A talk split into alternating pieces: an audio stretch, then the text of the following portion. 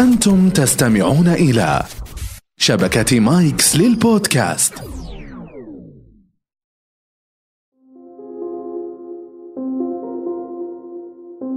أقضي وقت طويل جدا جدا جدا في المنزل ماذا أفعل؟ هل أستطيع أن أتعلم مهارات جديدة؟ طيب كيف أتعلم هذه المهارات؟ هناك طرق كثيرة ومتعددة دعونا نبدأ هذه الحلقة ونجيب عن هذا السؤال ما هي المهارات وكيف أتعلمها؟ السلام عليكم ورحمة الله وبركاته. أسعد الله أيامكم ولياليكم بكل خير.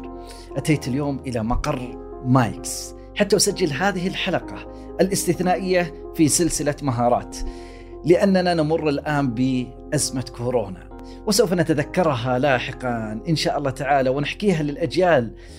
لأنني وأنا قادم وجدت صعوبة كيف آتي وحتى وصلت وحتى أعود إلى منزلي وسوف أمكث فيه إن شاء الله تعالى حتى يزول هذا الكرب وهذا الوباء بإذن الله.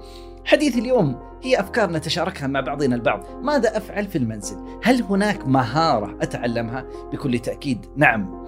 وبالعكس هناك مهارات عميقة. هل تعلمون أن يعني اختراعات كثيرة تمت خلال فترة الأزمات خلال فترة آه، ليست أيام اعتيادية روتينية فعلا؟ ولذلك يقولون الحاجة أم الاختراع. هناك احتياج عالي فأصبح هناك اختراعات. الإنترنت الذي ننعم به هذه الأيام وقد تكون تستمع إلى هذه الحلقة عبر الإنترنت. تم اختراعه وبدأ من خلال أزمة معينة وأثناء حرب ولذلك هو نشأ في وزارة الدفاع الأمريكية وكان أحد أهم أسبابه هي وجود جزء من ناحية حربية وغيرها. ولذلك مرة أخرى مع الأزمات سوف الآن تكتسب كثير من المهارات وبعض الأمور وتتذكر الأزمات وتقول جزى الله الشدائد عني كل خير فلأني تعلمت منها الكثير من المهارات. نبدأ بالله مستعينين كيف أقضي وقتا جميلا في منزلي، وقتا ممتعا أستمتع فيه واتعلم فيه وأيضا أفيد من حولي. دعوني آتي بأفكار عامة ومتعددة ونبدأ فيها نقطة نقطة. رقم واحد دعني أتحدث عن القراءة. أن تتحول إلى مهارة عميقة. بمعنى أن تزيد سرعتك الإلقائية وتزيد الاستيعاب للمعلومات. وهذا من خلال عدة وسائل وطرق متعددة. هناك كتب متخصصة في هذا المجال عن مهارات القراءة. تساعدك على زيادة سرعة القراءة وعدد الكلمات مع استيعاب عالي. قد تصل عدد الكلمات التي تقرأها إلى 300 كلمة في الدقيقة وبعض الأحيان إلى 400 كلمة في الدقيقة وقد تزيد. القراءة كيف أستطيع أن أصل إلى مرحلة متقدمة؟ أنا أقول بدل أن تكون قارئ جرب أن تكون مؤلفا. في هذه الفترة أحد المواضيع التي تهتم فيه ابدأ واكتب بعض الكتابات واعتبرها مسودة أولية. أن تكون فعلا مؤلفا وتكتب في هذا المجال لأنه لديك حب وشغف في هذا المجال. ثم أيضا لا يمنع أن تجرب بعض الفنون في الكتابة مثلا الرواية هل جربت يوم من الأيام أن تكون روائيا وتكتب رواية؟ هل جربت أن تكوني شاعرة وتكتبين الشعر؟ جرب خذ القلم واكتب وحاول واجلس بمفردك وفكر مجرد هذا الشعور تعرف كيف يكتب الروائي كيف يكتب الشاعر هذا شعور رائع وجميل قد لا تتقن وقد لا تنشر هذا الشعر وليس ولا تنشر هذه الأدبيات التي تكتبها ولكن التجربة الجديدة في الحياة مكسب جميل ويفتح لك آفاق واسعة. رقم اثنين مهارة التخطيط. جرب أن تكتب خطتك لمدة خمس سنوات قادمة أو عشر سنوات قادمة. ابدأ ركز على خمسة محاور أساسية الجانب المهاراتي الجانب الأسري الجانب الصحي الجانب المالي الجانب الرياضي. أكتب في كل جانب من هذه الجوانب ماذا أريد أن أغير. وممكن أن تضيف عليها جوانب أخرى انت ترى لها أهمية عندك. الجانب الوظيفي الجانب أي جانب تراه مهم في حياتك. هل سوف أغير وظيفتي خلال الأيام القادمة؟ هل سوف يكون عندي مدخرات مالية؟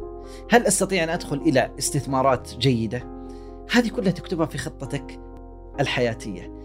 نحن نجيد الحديث عن الآخرين وعن أفكارهم وقد نستطيع أن نقيم كيف سوف يكون مستقبلهم، ولكننا نتعب كثيرا عند الحديث عن ذواتنا أو الكتابه عن أنفسنا. التي تليها رقم ثلاثة المهارات الرياضية، جرب أن تتعمق والا تمارس الرياضة كشخص فقط يمارسها من أجل الصحة أو من أجل جزئية بسيطة، لا جرب أن تتعمق في بعض المهارات الرياضية وتتمكن منها وتصبح في بعض الأحيان مدربا عليها. أربعة الدخول إلى عالم البودكاست. هذه المقاطع الصوتية التي تستمع إليها في هذه اللحظات. هل جربت أن تكون ملقيا متحدثا بدل أن تكون مستمعا؟ فرصتك الآن. وبفضل الله سبحانه وتعالى ثم التقنيات الحديثة تستطيع أن تأخذ الجوال وتسجل بمايك بسيط تضعه هنا أو ببعض التطبيقات والبرامج ويكون لديك فعلا نقاء صوت عالي وتقدم محتوى للآخرين. ليست صعبة تستطيع أن تفعلها بإذن الله. خمسة التطوع. جرب التخطيط لأعمال تطوعية تنوي أن تقوم بها في الأيام القادمة. دعوني أسرع في بعض القادمة كأعطي آه، كومضات أقدمها بين يديكم. التصوير سواء تصوير الفوتوغرافي أو تصوير الفيديو، لا أقول فقط أن تمارسه، لا تدخل إلى بعض المواقع وتنظر ما هي أهم عناصر التصوير، الإضاءة، الزوايا، الزاوية التي تكون من أسفل لا من الأعلى مع اليمين مع اليسار، أنواع التصوير، اللقطة المتسعة، اللقطة المتوسطة، اللقطة القريبة، كذلك الفيديو، تحاول أن تدخل بعض المهارات، الفيديو وما بعدها ال editing والمونتاج وكيف يتم، ما هي أبرز البرامج، هناك برامج عن طريق الجوال، هناك هذه جيد لو الإنسان استطاع أن يدخل إلى مرحلة متقدمة فيها. تعلم لغة جديدة أو إتقان لغة أنت بدأت في تعلمها. المهارة التالية الرسم، جرب أن ترسم. هناك قدرات ومهارات إبداعية تظهر في العقل البشري عند محاولة الرسم لأنك تفرغ شحنات وأنت تكتب وترسم وتتعلم هناك انسجام عالي بين العقل ويحاول أن يعبر عن افكاره من خلال اليد وتأتي هذه اللمسات التي تكون كحبر على هذا الورق ولكنها المفترض لها تعبيرات كبيرة وانسجام وأنك تفرغ شيء كثير داخل هذا العقل سواء بشحنات آه، ملموسة أو بعض الأحيان بأفكار إبداعية، قد لا تتقن التنفيذ والأداء قد يكون سيء ولكن بعض الأحيان الأفكار تكون إبداعية خرافية، الأداء يأتي مع الأيام. مهارة جديدة هل جربت أن تتعلم مهارة لغة الجسد؟ كيف أحرك لغة جسدي عندما أتحدث؟ كيف أحلل لغة الجسد الآخرين عندما يتحدثون أو يكونوا جالسين؟ وأنه تقرأ لغة الجسد من أربعة أماكن أساسية الرأس اليدين الجذع القدمين. وإذا كانت اليد غالبا تتحرك أقل من مستوى الكتفين وإذا ارتفعت فإنه معناها كذا وأنه دلالتها. هذه المعلومات حلوة. جرب أن تتعلمها. هناك منصات كثيرة تستطيع أن تتعلم من خلالها مثل هذه المهارة. التي تليها. مهارة الإلقاء وقد تحدثنا وأفردنا لها عدد من الحلقات 13 حلقة في بودكاست مهارات. تستطيع العودة لها أو غيرها من المنابر التي تعلمك مهارة الإلقاء. هذا في عالم المهارات.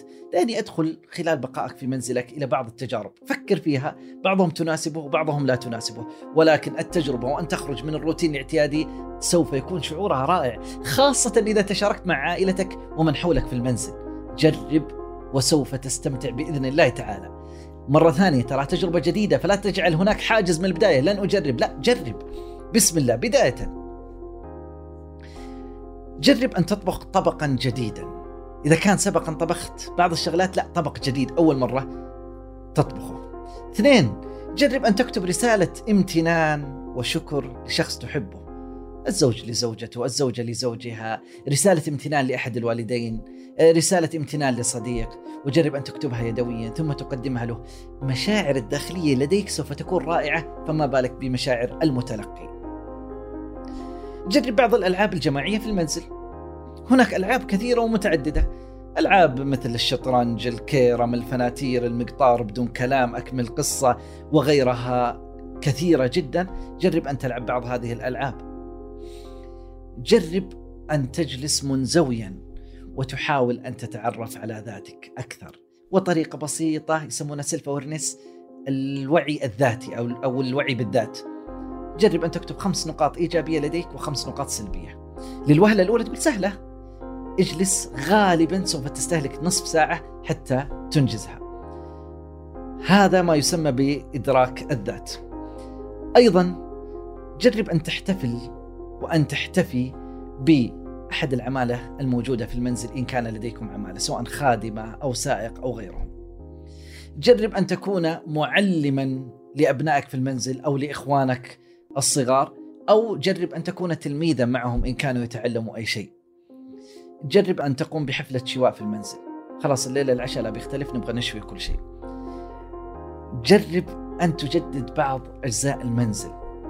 لو بالدهان بعض آه، آه، يعني حائط المنزل جدار المنزل جرب يلا تعالوا الآن عندنا فقرة لمدة ساعة ساعتين ثلاث ندهن هذا المنزل. سوف يكون هناك روح عائلية حلوة وكلما مررت سوف تبقى الذكريات نحن من قام بهذا الفعل. لن تكون متقنا 100% ولكن سوف تصل لمرحلة جيدة. هذه تغير من أجواء المنزل وتصنع ذكريات رائعة. جرب أن تكتب مسرحية وانت تكون ممثلا فيها وأن يكون لديكم كأنه عمل مسرحي داخل المنزل. قالها لي أحد الزملاء بالأمس جرب أن تنام على سرير طفلك. فضحكت. جرب فعلا أن تغير المود الاعتيادي وتنام على سرير طفلك. جرب أن تمارس الرياضة مع أبنائك وبشكل منتظم. جرب تجارب كثيرة. وأيضا لا تنسى أن تقرأ القرآن في المنزل. وأيضا أقول أن يكون بشكل منتظم مع العائلة. ختاما الأمل سر الحياة. من عرفه سعد ولو فقد كل شيء. دمتم بخير.